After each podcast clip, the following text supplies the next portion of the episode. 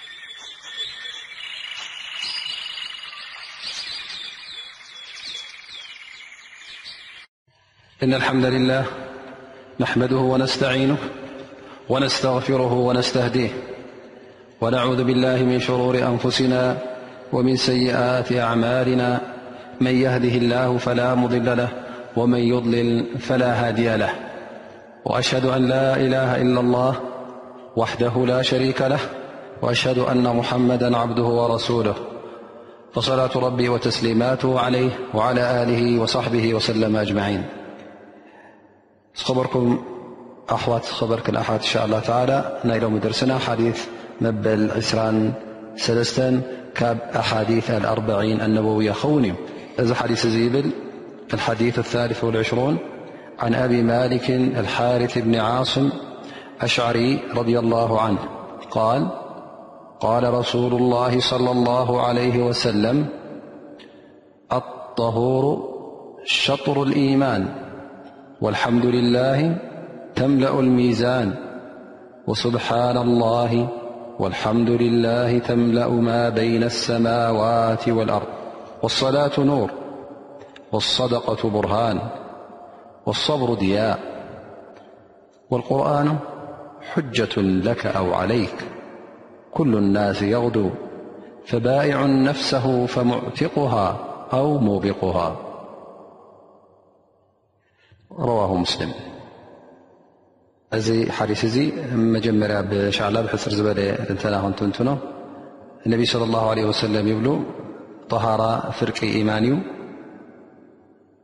ኣልሓምዱሊላህ ትብል ቃል እውን ነቲ ሚዛን ናይ ዮም ልቅያማ ትመልእ ስብሓና ላህ ወልሓምዱሊላህ ክልትኤን ድማ ኣብ መንጎ ሰማያትን መሬትን ዘሎ ኩሉ ይመልኣ ሰላት ብርሃን እያ ሰደቃ ከዓ መርትዖ እያ ሰብሪ እውን ብርሃን እዩ ቁርን ከዓ ወይ ንዓኻ መርትዖን ተኻታዕን ይኾነልካ ወይ ከዓ ኣንፃርካ ውን ይኸውን ኩሉ ሰብ ይንቀሳቀስ ይድገስ ይለዓል ገሊኡ ከኣ ነፍሱ ካብ ናፃ የውፅኣ ማለት እዩ ገለ እውን ንነፍሱ ኣብ ሕማቕ የውድቓ እዚ እቲ ሕፅር ዝበለ ትንተና ናይ እዚ ሓዲስ እዚ እንሻ ላ ኣብቲ ሰፊሕ ትንተና ክንኣቱ እዚ ሓዲስ እዚ ብጣዕሚ ዓብ ትሕዝቶ ዝሓዘ ሓዲስ እዩ ብዛዕባ ናይ ጠሃራ ዝጠቅስ ከምኡ ውን ዚክር ንኣላ ስብሓን ወተዓላ ክትዘክር ምስጋናን ብንፅህናን ክትውድሶን ክትዝክሮን ዝፅውዕ እዩ ጉዳይ ሰላት ጉዳይ ሰደቃ ከምኡውን ካልእ ዓይነት ዒባዳታት ናይ ትዕግስትን ሰብርን ዝጠቅስ እዩ ከምኡ ውን ክታብ ቁርን ብቁርን ን ተገዳስነት ንክህልወና ዝፅውዕ በቲ ኣብኡ ዘለውን ተግባራትና ኩሉ ክንፍፅም ተግባራትና ኩሉ በቲ ኣብቲ ቁርን ዘሎ ክንፍፅሞ ዝደፋፍእን ዝፅውዕን ሓዲስ እዩ ኣብ መጨረሻ ውን ወዲ ሰብሲ ነፍሱ ናፃ ከውፅኣ ከምዘለዎ ቃልሲ ኩሉ ንድሕነት ነፍሱ ክኸውን ከምዘለዎ ዝሕብር ሓዲት ይኸውን ማለት እዩ ኣብቲ መጀመርያ ሓዲ ነቢ ስ ሰለ እንታይ የብሉ ኣጣሁሩ ሸጥሩ ልኢማን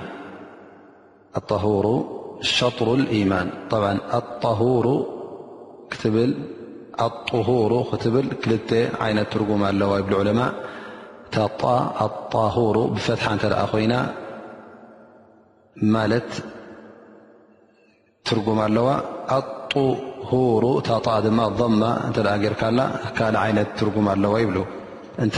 ضማ ኮይና ኣطሁሩ እተ ኢልና እቲ ተግባር ናይ ጣሃራ ይኸውን ማለት እዩ ኣጣሁሩ ተጣፈት ሓንቲ ገርና ላ ከዓ እቲ ብኡ ንጣሃር ማይ ንዕኡ ናቱ ስም እዩ ይብሉ ማለት እዩ ዝኾነ ኹን ነቢ صለ ላه ለ ሰለም እዚ ጣሃራ እዚ ፍርቂ ኢማን እዩ ኢሎሞ ማለት እዩ ዑለማ ነዚኣ ክትንትኑ ከለዉ እንታይ ማለት እዮም ነቢ ስ ሰለም እቲ ጠሃራ ፍርቂ ኢማን ዝበልዎ ኢሎም ክጠቕሱ እንከለዉ ብዙሕ ትንተና ሂቦምሉ ገለ ካብቲ ዝሃብሉ እቲ ኣብ ጠሃራ ዘሎ ኣጅሪ እቲ ናቱ ተደራብነት ክሳዕ ፍርቂ እዩ ዝኸውን ፍርቂ ኢማን ገሊኦም ድማ ይብሉ ጠሁሩ ክበሃል እከሎ ጠሃራ ክበሃል ከሎ ነቲ ዘንብታት ወይ ከዓ ዓገብ ጌጋ ዝኾነ ማዕስያታት ንዕኡ ምግዳፍ እዩ ይብሉ ማለት ካብ ዘንብታት ነፍስኻ ናፃ ከተውፅእ ክጠሃር ኢሎም ይጠቕሱ ማለት እዩ ስለዚ እዚ ፍርቂ ኢማን ይኹን ምክንያቱ እቲ ኢማን ክበሃል እንከሎ ወይ ነቲ ኣላ ስብሓን ወተዓላ ዝበለካ ትእዛዛት ትፍፅም ከምኡ ውን ኣብ ርእሲኡ ካብቲ ዝኸልከለካ ተኸልከል እዚ ዩ ገዛእ ርእሱ እቲ ኢማን ንገዛእ ርእሱ ኩሉ እተ ክንሪኦ ኮይና ብትእዛዛት ኣላ ስብሓን ወተላ ነቲ ፈፅሞ ዝበለካ ትፍፅም ነቲ ኣይተቕረቦ ዝበለካ ከዓ ካብኡ ትቁጠብ እሞ እንተ ካብኡ ካብቲ ኣላ ስብሓን ወላ ኣይትግበሮ ዝበለካ ነገራት እንተ ትቁጠብ ኮንካ ወይከዓ ትረክዕ ኮንካ ነብፅኻ ተነፅህ እተ ኮይንካ እዚ ንፅህና እዚ ሕጂ ፍርቂ ናይቲ ትእዛዛት ፈፂምካ ማለት እዩ እቲ ፍርቂ ከዓ ነቲ ተኣዘዝካዮ ኣብ ግብረ ምውዓል ይኸውን ማለት እዩ እዘን በዚ እዩ ይብሉ ዑለማእ ማለት እዩ ገሊኦም ድማ ይብሉ ጠሃራ ክበሃል እንከሎ እቲ ነጃሳ ወይ ከዓ ሓደት ኣክበር ኣስር ዝበሃል ማለት ነቲ ውዱእ ትገብሮ ማለት እዩ ቅድሚ ሰላት ዝገብሮ ውዱእ ንዕኡ ዘርኢ ብተየሙም ኮይኑ ብማይ ኮይኑ ኢማን ድማ ሰላት እነቢ ስለ ላ ሰለም ኣጠሁር ሸጥሩ ኢማን ክብሉና ከለዉ ኣልኢማን ብማዕና ሰላት ትርጉማ እዛ ኢማንሲ እዚኣ ሰላት እያ ስለዚ ብዘይ ውዱእ ሰላት ክንገብር ስለ ዘይንኽእልሲ እንተ ደኣ ውዱእ ጌርና ንሱ እዩ እቲ ፍርቂ ናይቲ ሰላት ምኽንያቱ እሳ እያ ድሕሪኡ እታ ሰላት ትፍፀም ማለት እዩ ስለዚ በዚ ትርጉሞማ ገለ ዑለማ ማለት እዩ ከምኡ ውን ገሊኦም እንታይ የብሉ እቲ ተግባራት ናይ ኢማን ክልተ ዓይነት እዩ ኣሎ ውሽጥኻን ልብኻን ነፍስኻን ተንፅሃሉ ትእዛዛት ናይ ውሽጣዊ ንፅህና ዝጥለብ ካባኻ ማለት እዩ ናይ ኢማን ካልኣይ ሸነኽ ድማ ግዳማዊ ንፅህና ዝጥለቡ ወይከዓ ትሕተቶ እዩ ብማይ ኮይኑ ብተየሙም ጌርካ ነብስኻ ክተፅር ከለኻ ስለዚ እቲ ናይ ኢማን ኣብ ክልተ ይምቀል ግዳማውን ውሽጣውን ንፅህና የድልዮ ማለት እዩ ስለዚ ፍርቂ ኢማን እዩ ክብሉና ከለዉ እቲ ግዳማዊ ንፅህና ጠሃራ የድልዮ ስለ ዝኾነ እዚ ፍርቂ ኢማን ኢሎሞ እቲ ካልኣይ ድማ ናይ ውሽጣዊ ናይ ልብኻ ዝነፅሃሉ ቃላትካን ተግባራትካን ኩሉ ብልብኻ ንፁህ ትኾነሉ እሱ እዩ ይብሉ ማለት እዩ እዚ ከምዚ ገይሮም ዑለማእ ነዛ ኣጠሁር ሸጥረ ልኢማን ተርጊሞማ ማለት እዩ እታ ዝቀረበት ምክን እዚኣ ክትከውን ትኽእል ማለት እቲ ካብ ወዲ ሰብ ዝድለ ንፅህና ክልተ ዓይነት እዩ ግዳማውን ውሽጣውን ጠሃራ ብማይ ምንፃህ ከዓ ናይ ግዳማዊ ስለ ዝኾነ እዚ ሓደ ፍርቂ ክኸውን እቲ ካልኣይ ፍርቂ ከዓ እቲ ውሽጣዊ ይተርፍ ማለት እዩ ድሕሪኡ ነቢ ለ ላ ለ ወሰለም ይብሉ ወልሓምዱልላህ ተምለኡ ሚዛን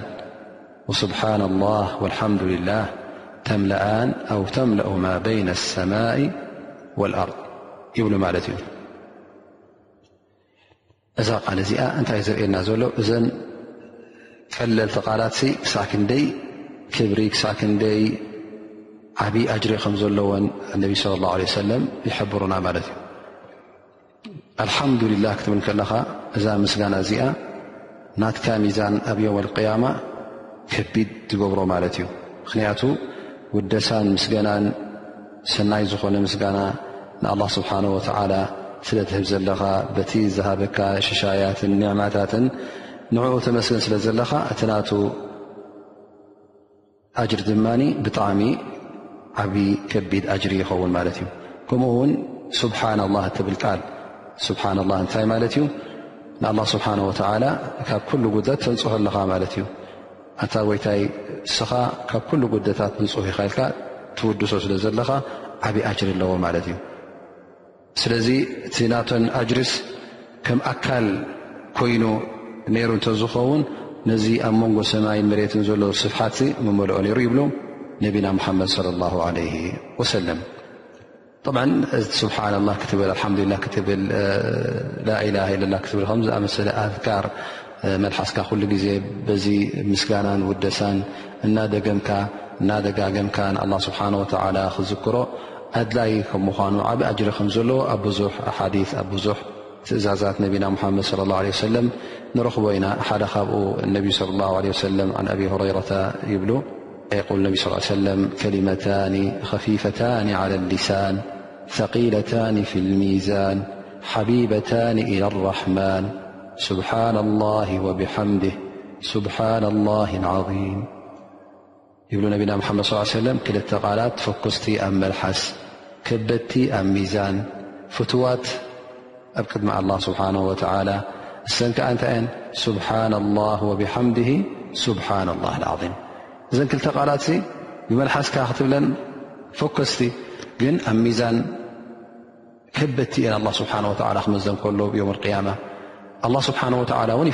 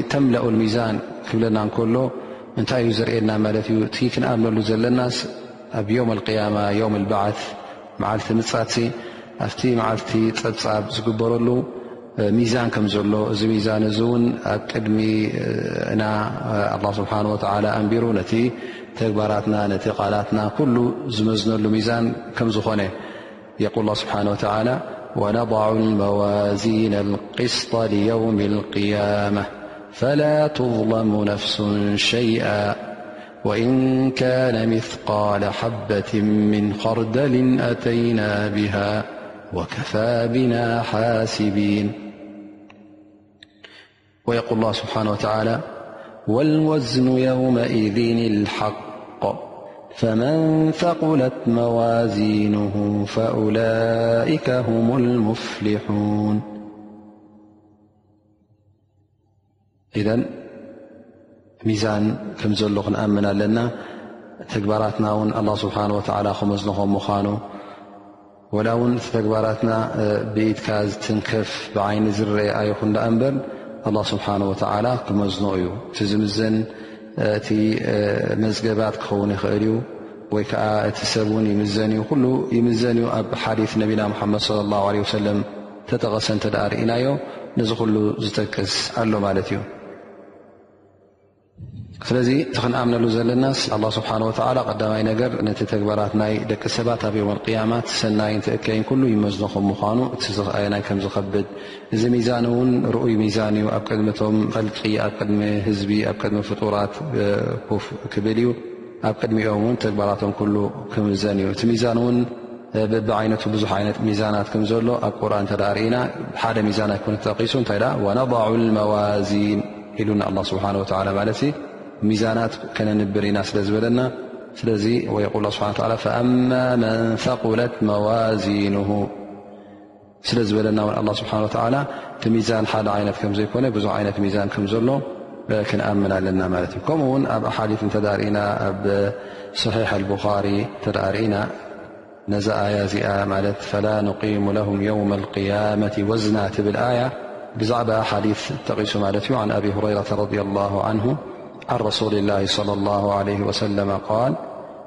إنه ليأتي الرجل العظيم السمين يوم القيامة لا يزن عند الله جناح بعوضة وقال اقرأوا فلا نقيم لهم يوم القيامة وزنا أذي النبي صلى الله عليه وسلم يبلو أ يوم القيامة حدسبأي بطعم ججف سبح ዝኾነ ሰብ ኣብ ኣዱንያ ዝነበረ ኣብ ዮም ኣልቅያማ ግን ወላ ክንዲ ግልግለ ናይ በዑባ ማለት ናይ ጣንጡ ኣይከውንን እዩ ኣይምዘንን እዩ እንተደኣ ደሊኹም ነዚ ኣያ እዚኣ ቅርኡ ኢሎብና ፈላ ንቂሙ ለሁም የውም ኣልቅያመቲ ወዝና እዘን እንታይ ዝርኢ ዘሎ ማለት እዩ ኣላ ስብሓን ወተዓላ ሰብ ውን ከም ዝምዘን ሚዛን ከም ዘለዎ ኣብ ዮውም ኣልቅያማ ኣላህ ስብሓን ወተዓላ በቲ ዝገብሮ ነበረ ስራሓት በቲ ኢማኑ ይምዘን እሞኒ እቲ በዓል ኢማን ረዚን ይኸውን ከቢድ ይኸውን እቲ ኢማን ዘይነበሮ ግን እቲ በዓል እከይ ተግባር ግን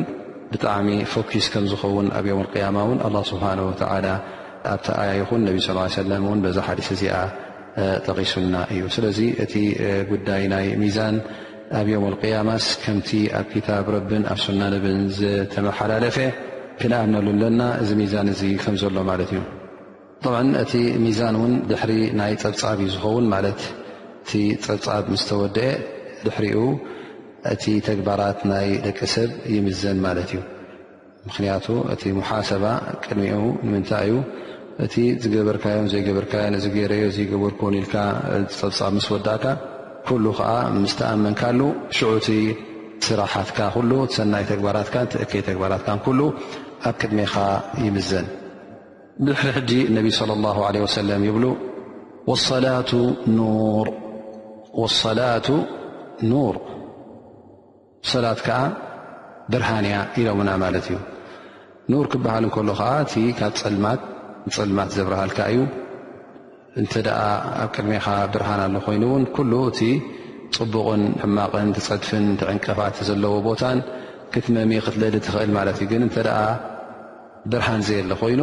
ክትፀድፍ ኢኻ ማለት እዩ ስለዚ ሰላት እንተ ኣላ ኮይና እዛ ሰላት እዚኣ ንዓኻ ብርሃን እያ ማለት እዩ ንመገዲ ር ትመርሓካ ካብ መገዲ እከይ እውን ትሕልወካ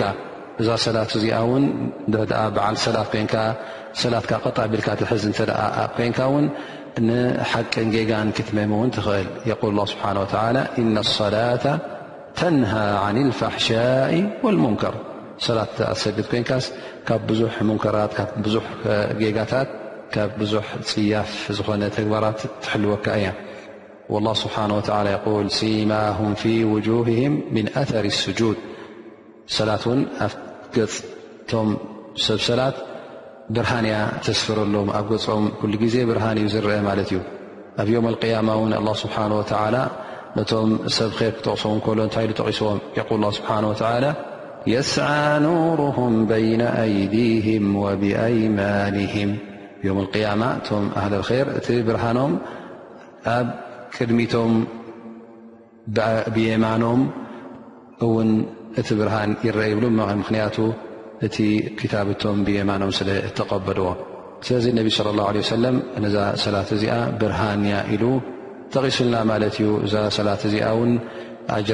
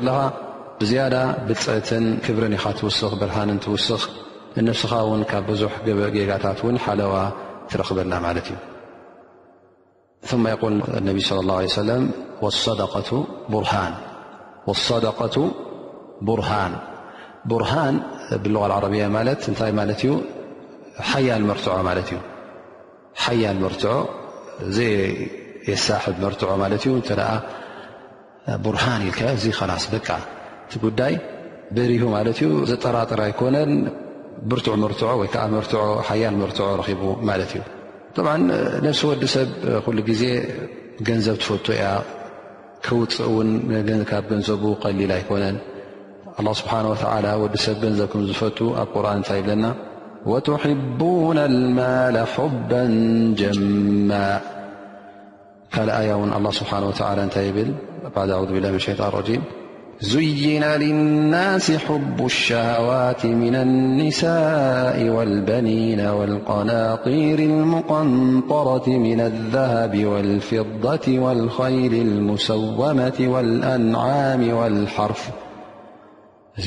سمالل نجرات فتي مال كوينو ولات كوينو بعينت ورك كوينو طريت كوينو ኣፍራስ ይምሰል ካልእ ዓይነት ማሕረስ ይኹን ኩሉ ገንዘባት ወዲ ሰብ ከም ዝፈቱ ኣላ ስብሓን ወተዓላ ሓቢሩና እዩ ስለዚ ወዲ ሰብ እንተ ደኣ ካብዚ ገንዘብካ እዚ ሊላ ኢልካ ንመሳኪን ሃብ ሊላ ኢልካ ዘካት ኣውፅእ ክትብሎም ከለኻ ይኸብዶ እዩ ይኸብዶ ስለ ዝኾነ ድማ እነቢ ስለ ላ ሰለም ኣብዛ ሓዲስ እዚኣ እንታይ ይብሉ ወሰደቀቱ ቡርሃን ሕጂ እዛ ተውፅኣ ሰደቃ እታ ተውፅኣ ዘካት ዓብይ መርትዖያ ናይ ምንታይ ናይ እምነትካ ከም ዝኣመንካ ብዝያዳ እንታይ ትገብር ማለት እዩ ከም መርትዖ ትኸውን ማለት እዩ ስለዚ እቲ ሰደቃ ዝህብ ሰብ ሊላ ኢሉ ዘውፅእ እዚ ሰብ እዚ በዓል ኢማን በዓል ሓያል ኢማን እዩ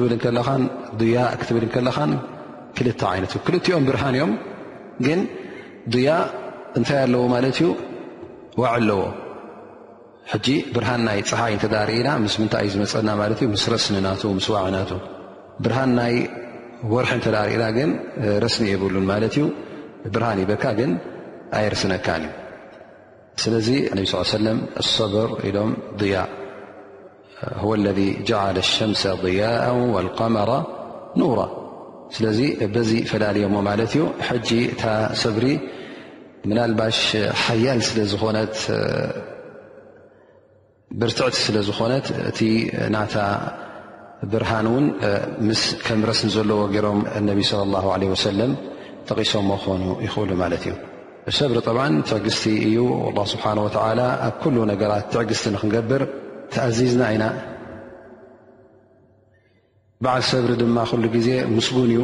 ኩሉ ግዜ እውን ብብርሃን እዩ ዝኸይድ። እቲ ዝወስዶ ስጉምቲ እውን ኩሉ ግዜ ቅኑዕ ይኸውን ማለት እዩ። በዓል ሰብሪ ኩሉ ግዜ ሰብሪ እንተ ጌርካ ትዕግስቲ እንተ ጌርካ ኣብቲ ትደልዮ ትበፅሕ ማለት እዩ። ኩሉ ግዜ እውን ቅኑዕ ውሳነ ኢኻ ትወስድ። لالله سبحانه وتعالى صبر ننجبر ح آيت لنايول الله سبحانه وتلى بعد أعوذ بالله من الشيان الريم يا أيها الذين منو اصبر وصابرو ورابطو واتقوا الله لعلكم تفلحون ኣላ ስብሓን ወተዓላ ሰብሪ ንክንገብር ኣብዚ ኣያ እዚኣ ሕጂ ኣብቲ ዲንና ቐጥ ንክንብል ኣብቲ ኣላ ስብሓን ወተዓላ ዝፈተወልና ዲን ዝደለየልና ዲን ንዑ ሒዝና ቐጢልና ንክንከይድ ኣላ ስብሓን ወተዓላ የእዝዘና ኣሎ ማለት እዩ ኣብ ርእሲኡ እውን ምእንቲ እስልምና እውን ክንቃለስ ወላ እውን ሞትና እንተ ደኣ ኣለዎ ኮይኑስ ብትዕግስትን ብሰብርን ንኩሉ ክንሰግሮ ከም ዘለና ይእዝዘና ማለት እዩ ስለዚ ክሳዕ እታ ትመውትሲ ኣብ መርገፅካ ኣብቲ ሓቅኻ ኣብቲ እምነትካ ቀጢልካ ንክትፀንሕ ሰብሪ ንክትገብር ኣላ ስብሓን ወተላ ይእዘካ ኣሎ ወላ እውን እቶም ክሓቲ ይኹኑ እቶም ሙናፍቒን ይኹኑ ካብቲ ዘለኻዮ እምነት ንኸውፁኻ ይቃለሱኻ ጉድኣት ኣብ ርእሲኻ ይውርዱ ኩሉ እዙ ብምንታይ ክትፀፍዖ ኣለካ ወይከዓ ብምንታይ ክትሰግሮ ኣለካ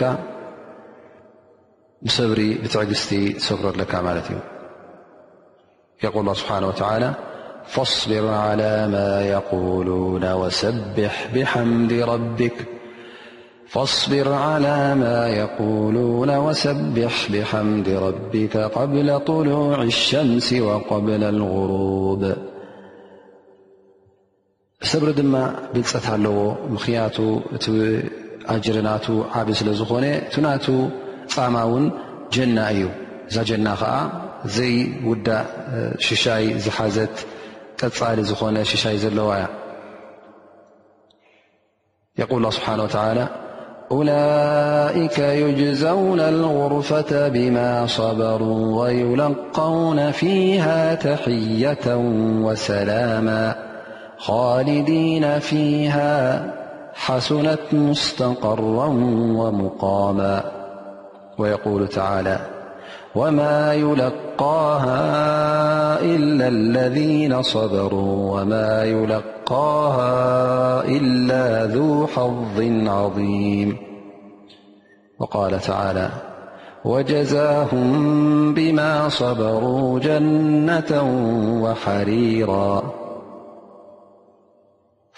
በዓል ሰብሪ እዝኣመሰለ ኣጅርታት እዩ ዘለዎ ጀና እዩ በዓል ጀና እዩ ካልእ ኣጅርታት ኩሉ ክምዘን እንከሎ ብዓቐን ክትወሃብ ከለኻ ኣጅሪ ናይ ትዕግስትን ናይ ሰብርን ግን ብዓቐን ኣይኮንካን ትወሃብ ኣላ ስብሓን ወተዓላ ሕፍስ ኣቢሉ እዩ እቲ ኣጅርኻ ዝበካ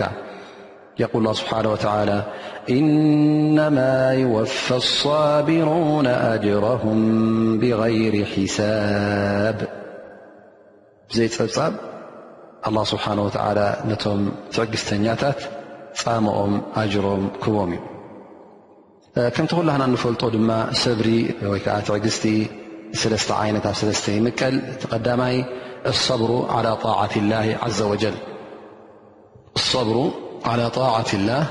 ዘ ወጀል ማለት እቲ ቀዳማይ ሰብሪ ዓይነት ናይ ሰብሪ እቲ ኣላ ስብሓን ወተዓላ ዝኣዘዘካ ንዕኡ ንኽትፍፅም ቀጢልካ ናብኡ ንኽትከይድ ነዚ ዋጅባት እዚ ንኽትፍፅም እንታይ የድልየካ ማለት እዩ ትዕግስቲ የድልካ እዚ እቲ ሓደ ማለት እዩ ምክንያቱ ብዙሕ እንቅፋታት እዩ ዘጓንፈካ ነቲ ኣላ ስብሓን ወላ ዝኣዘዘካ ትእዛዛት ንኸይትፍፅም ሸይጣን ይዕንቅፈካ ነብስኻ ትዕንቅፈካ ዊንታ ናይ ነብስኻ ድልት ናይ ነብስኻ ሻሃዋታት ኩሉ እዚ ዕንቅፋታት ይኾነካ ማለት እዩ ግን እንተ ነዚ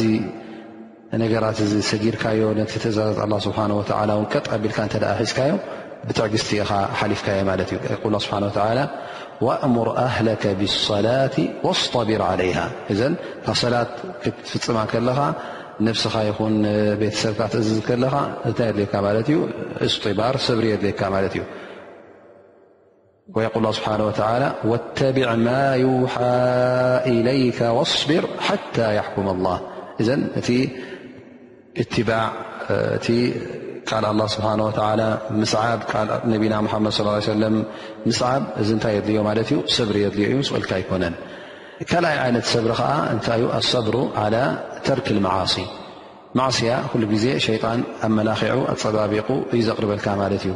ሸያጢን ኣልእንስ ይኹኑ ሸያጢን ኣልጅን ማለት ደቂ ሰባት እውን ኣለዉ ስራሕ ናይ ሸይጣን ዝሰርሑ ነታ ሕማቕ ነገር ነታ እከይ ነገር ኣፀባቢቖም የቕርቡልካ ማለት እዩ ግን እስኻ ሕጂ እንታይ እዩ ዘድልየካ ማለት እዩ ነቲ እከይ ነቲ ማዕስያ ንኸይትፍፅም ነብስኻ ክትኣስር ኣለካ ትሕገስ ኣለካ ምናልባሽ ነፍሲ ትደክም ትኸውን ሓንሳ ሓንሳ ትሰንፍ ትኸውን ግን እንታይ እዩ ዘድልያ ማለት እዩ ሕጂ ከይትሰንፍ ነፍስኻ እዛ ነፍሲ እዚኣ ክትዘኻኸር ኣለዋ ማለት እዩ ነታ ነፍሲ እውን ቀጥ ኣቢሉ ክሕዛ ኣለዎ ሸይጣን እውን ፀላኢና ከም ምኳኑ ክንፈልጥ ኣለና ከምቲ ኣላ ስብሓን ወተዓላ ዝበሎ እነ ሸይጣና ለኩም ዓድው ፈተኪዙ ዓድዋ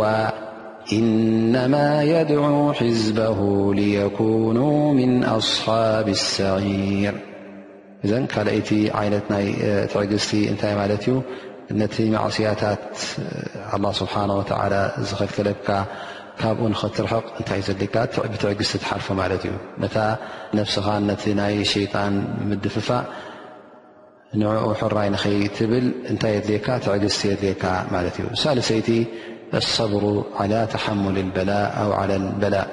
ማለት ኣላ ስብሓን ወተላ ኣብዛ ኣዱንያ እዚኣ በብዓይነቱ ሽግራት በብዓይነቱ በላ የውርደልና እዩ። ምኽንያቱ ወዲ ሰብ ኣብዛ ኣዱንያ እዚኣ ኣላ ስብሓን ወተዓላ ጥዕና ይህቦ ይሓምም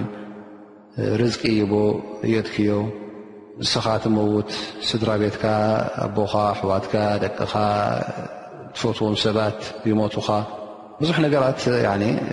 ሽግራት የጓንፈካ እዩ ስለዚ እዚ ሽግራት እዚ ክርከብ ከሎስ ከመይ ጌርካ ኢኻ ትሰግሮ ብምንታይ ኢኻ ትሰግሮ እንታይ እዩ ዝሕግዘካ ከመይ ጌርካ ከትሰግሮ ብትዕግስቲ ብሰብሪ ኢኻ ትሰግሮ ማለት እዩ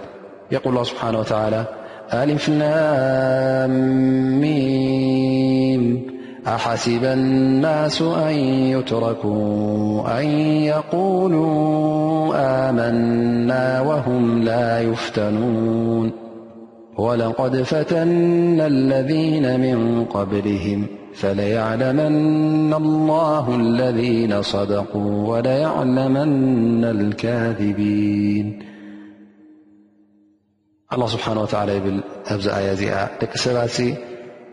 ኣሚንና ኢሎም እሞ ከይተመርምሩ ከይተፈተኑ ዝተርፉ ድዩ መሲልዎም ዝግደፉ ንሕና እኮ እቶም ዝሓለፉ ሰባት እቶም ቅድሚ ኹም ዝነበሩ ኣሚንና ኢሎም ሰቂልና ይገደፍናዮም እውን እንታይ ደኣ ፈቲናዮም ኢና ሞኪርናዮም ኢና ኣብ ፈተና ኣእቲናዮም ኢና በዚ ፈተና እዚ ከዓ ኣላ ስብሓን ወተዓላ እቶም ሰብ ሓቅን እቶም ሓሰውትን ይመሚ መን እዩ በዓል ሓቂ መን እዩ ዘይበዓል ሓቂ ኣላ ስብሓን ወተዓላ ይመሚ ኣላ ስብሓን ወተዓላ ዝኾነ ይኹን ባርያ ኣብ ነፍሱ ይኹን ኣብ ማሉ ኣብ ውላዱ ኣብ ስድራ ቤቱ ኣብ ካልእ ነገራት ኣብ ብዙሕ ነገራት ኣብ ፈተና የውድቆ እዩ ግን እቲ በዓል ሰብሪ እዩ ኩሉ ግዜ ዕዉት ግዴታ እውን ኩላህና ሰብሪ ክንገብር ኣለና ምክንያቱ እቲ ዝወርዘካ መዓት ዝወርዘካ ሽግር ካብ ኣላ ስብሓን ወተላ ከም ምኳኑ እተ ተኣምን ኮንካ እሞ ከዓ እዚ ዝወረደ እውን ኣፀርፅርካ ዝምለስ ኣይኮነን ስለዚ እንታይ ክትገብር ኣለካ ንኣላ ስብሓን ወተላ ዱዓ ክትገብር ኣለካ ትዕግስቲ ክትገብር ኣለካ ምእንቲ ኣጅሪ ክትረክብ ኩሉ ግዜ እቶም በላእ ዝወርዶም እውን እቶም መገዲ ር ሒዞም ዝኮዱ እውን ኣላ ስብሓን ወተላ ንዕኦም እውን የብተልዮም እዩ ይምርምሮም እዩ ወላ እውን እቶም ኣንብያ ኣላ ስብሓን ወተላ ኣብ ብዙሕ ፈተና ኣብዲቕዎም እዩ ምእንቲ እቲ ኢማኖም ቀጥ ንክብሉ እቲ ኢማኖም እውን ንክተርር ማለት እዩ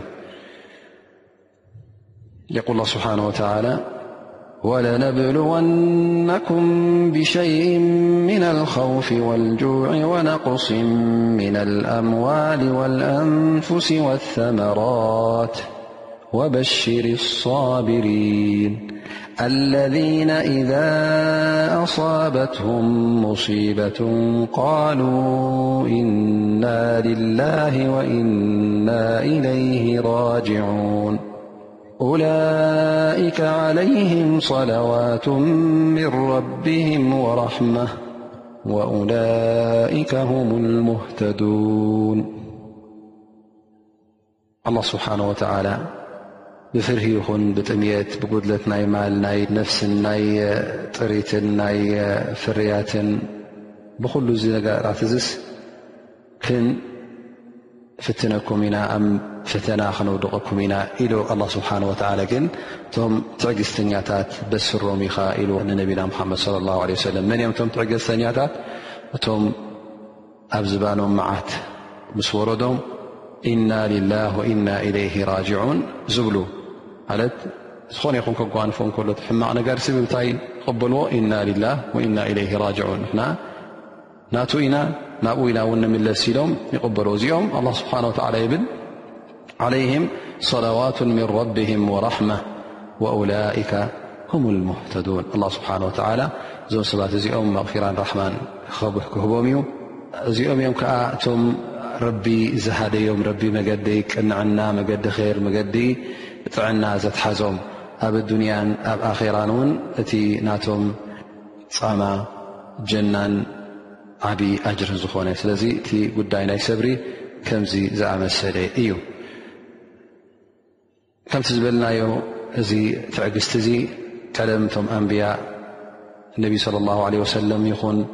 ብጣዕሚ ብዙሕ ዕንቅፋታት ብዙሕ ሽግራት ኣጓኒፎ እዩ ኣብ ግዜ ቁሬሽ ኣብቲ መጀመርያ ዳዕዋናቶም በብዓይነቱ መዓታት ይወርዶም ነይሩ እቶም ህዝቦም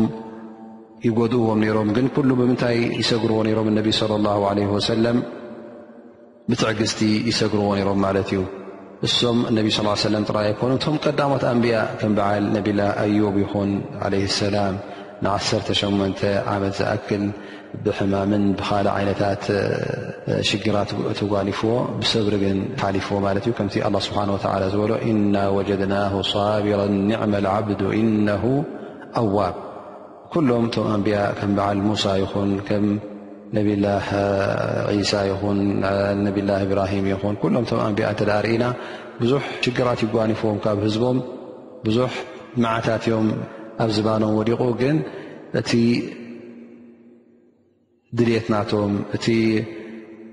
ሞያ ናቶም ንህዝቦም ናብ ሓቂ ንምምራሕ ንር ንምምራሕ ስለ ዝነበረ ትኩሉ ዕንቅፋታት ትኩሉ ሽግራት ብምንታይ ይሰግርዎ ነሮም ብትዕግዝቲ ይሰግርዎ ነሮም ከምኡ ውን ኣስሓብ ነቢ ብፆት ነቢና ሙሓመድ ለ ላ ለ ወሰለም ኣብቲ መጀመርያ ናይ ዳዕዋ እቶም ዝኣመኑ እተ ርእና ቶም መጀመርያ ብእስልምና ዝኣተዉ ካብ ቤተሰቦም ካብ ኣዴታቶም ካብ ኣቦታቶም ካብ ማሕበረሰቦም ካብ ኩሉ ብዙሕ ሽግር ይደጓንፎም ነይሮም ናይ መግረፍትን ናይ ማህረምትን ክሳዕ እውን ምቕታል እውን ክበፅሕ ውን እቀራረብ ነይሩ ማለት እዩ ንክቕትልዎም ውን ትንዕብሉ ነይሮም ማለት እዩ እዚ ኩሉ ግን ፍፁም ካብቲ እምነቶም ነቃየበሎምን ብዝያዳ ድኣ ኣብቲ እምነቶም ቀጢሎም ጉዕዞ ናይ እምነቶም ስለ ዝቐፀሉ እነሀልካ ድኣሲ እቲ እስልምና ውን ክሳዕ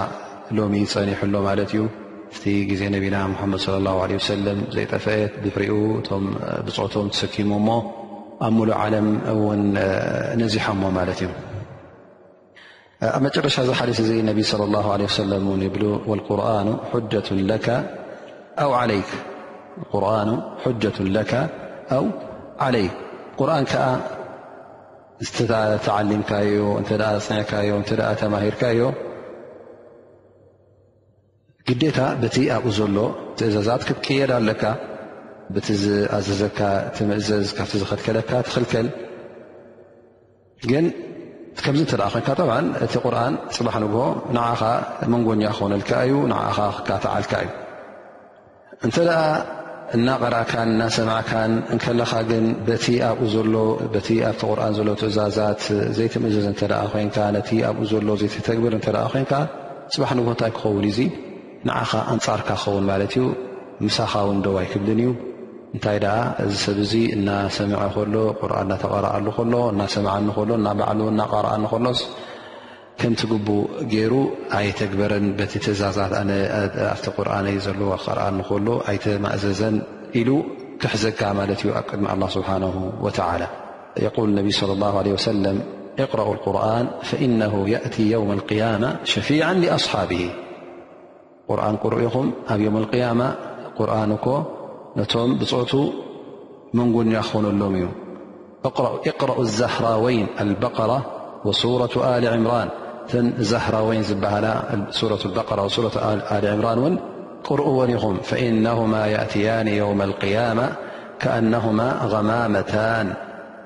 ኣው ከኣነሁማ ፍርቃን ምን ጠይር ሰዋፍን ትሓጃኒ ን ኣስሓብህማ ኣብ ዮም ያማ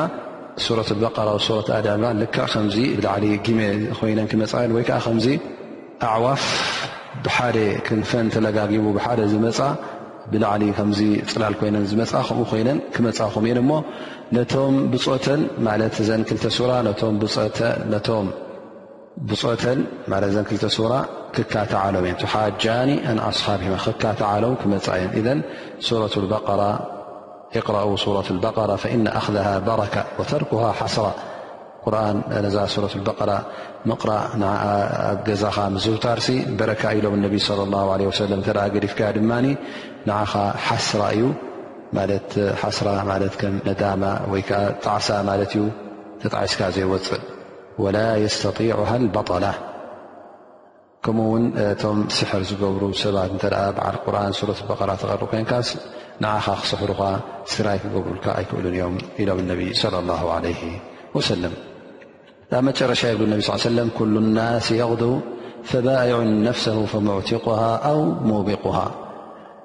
ጠብዓ ደቂ ሰብ ወግሐ ፀብሐ መሰየ ኩሉ ነናብ ስርሑ ከከም ነናቱ ንጥፈታቱ ንክፍፅም ይንቀሳቐስ እዩ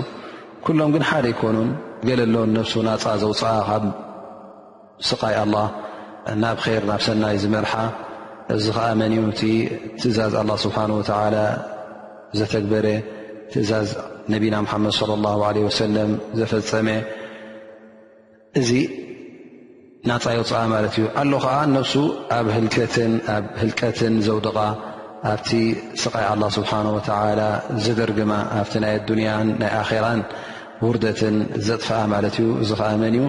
ስራሓት ኩሉ ኣንፃር ትእዛዛት ኣላ ስብሓን ወተላ ክኸውን ከሎ ኣንፃር ትእዛዛት ነቢና ሙሓመድ ስ ሰለም ክኸውን ከሎ ካብቲ ትእዛዛት ሰጊሩ ሕጊ ኣላህ ክጥሕስ እንከሎ እዚ ሕጂ እንታይ ይኸውን ማለት እዩ በዓል ማዕስያ ስለ ዝኾነ ነብሱ የህልቕ ኣሎ ማለት እዩ ላ ስብሓን ወተላ የቁል እነ ሳዕየኩም ለሸታ ኩሉ ሰብ እቲ ምንቅስቓሳት ናቶም እቲ ንጥፈታት ናቶም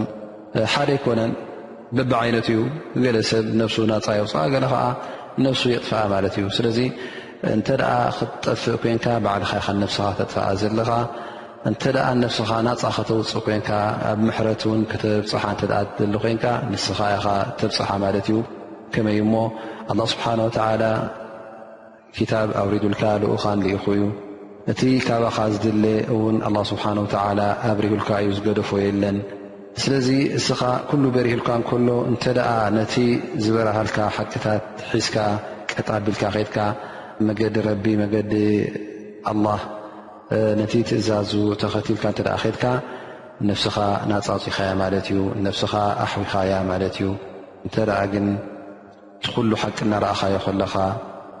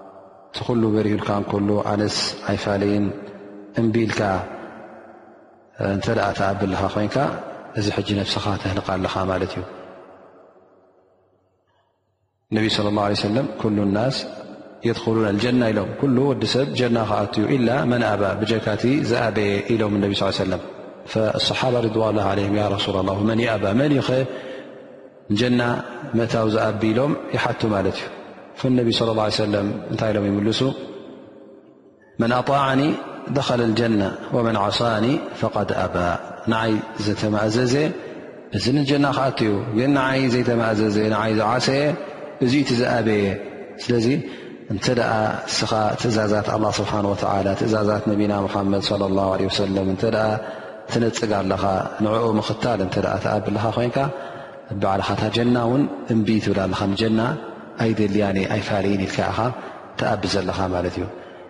ስለዚ እቲ ናይ ጀና ምእባይሲ እንታይ እዩ ነቲ ትእዛዝ ኣላ ስብሓን ወተላ ከምኡውን ትእዛዝ ነቢና ስለ ላ ሰለም ዘይምቕባል ማለት እዩ ኣብ መጨረሻ እተን ሕፅር ሕፅር ዝበላ ፋይዳታት ከም መዛዘሚ እተ ክንጠቕሰም ኮይና እንታይ ዘርእየና ዘሎ እቲ ኢማንሲ ናይ ቃልን ናይ ተግባርን ከም ምኳኑ ናይ መልሓስ በይኑ እኹል ከምዘይ ምኳኑ እንታይ ደኣ ቃላውን ተግባራውን ከም ምኳኑ እሱውን ብኢማን ማለት እቲ ኢማን ብጣዓ ብምእዘዛ ይውስኽ ከም ምዃኑ ብማዕስያ ድማ ይጎድል ከም ምዃኑ ዝሕብር እዩ ከምኡ ውን ኣብዚ ሓዲስ እዚ እቲ ዚክር ላ ስብሓን ወተላ ኣድላይ ከም ምዃኑ ብጣዕሚ ከነዘውትሮ ከም ዘለና ኣብ ከነብዝሕ ከም ዘለና ዝእዝዝ እዩ ከምኡ ውን እዚ ሓዲስ እዚ ኣጣሁር ኢሉ ዝጀመረ ብዛዕባ ናይ ጠሃራ እንታይ እዩ እቲ ፅርት ኣገዳሲ ከም ምኳኑ ፅርት ውን ናይ ኣስላማይ ከም ምኳኑ በዓል ኢማን ኩሉ ግዜ ንፁህን ፅሩይን ከም ምኳኑ ፅርት ውን ጥራይ ግዳማዊ ዘይኮነስ እንታይ ደኣ ብግዳሙን ብውሽጡን እቲ ሙእምን ፅሩይ እዩ ንፁህ እዩ ከም ማይ ንጉሆ እዩ ምክንያቱ እተ ኣብ መዓልቲ ሓሙሽተ ሻዕ ውዱእ ዝገብር እተ ኮይኑ ከምቲ ኣላ ስብሓን ወተላ ዝኣዘዞ እውን እቲ ናይ ነፍስኻ ምሕፃብ ዝሕፀብ እንተ ኮይኑ እዚ ሰብ እዚ እቲ ግዳሚ ኩሉ ግዜ ንፁሕን ፅሩይ ክኸውን እዩ ከምኡ እውን በቲ ኣላ ስብሓን ወተላ ዝኣዘዞ ናይ እምነት ናይ ፍርሂ ኣላ ስብሓን ወተዓላ ናይ ሓቂ ናይ ክብሪ ኩሉ ነገራት እንተ ኣማሊኡ ዝኸይድ ኮይኑ ውሽጡ እውን ንፁህ ከም ምዃኑ ካብ ሽርክ ይኹን ካብ ማዕስያ ይኹን ካብ ቅርሕንቲ ይኹን ካብ ሓሰድ ይኹን ካብ ኩሉ ነገራት እዚ ሙእሚን እዚ እንታይ ይኸውን ማለት እዩ ንፁህ ይኸውን ደርስና መቸም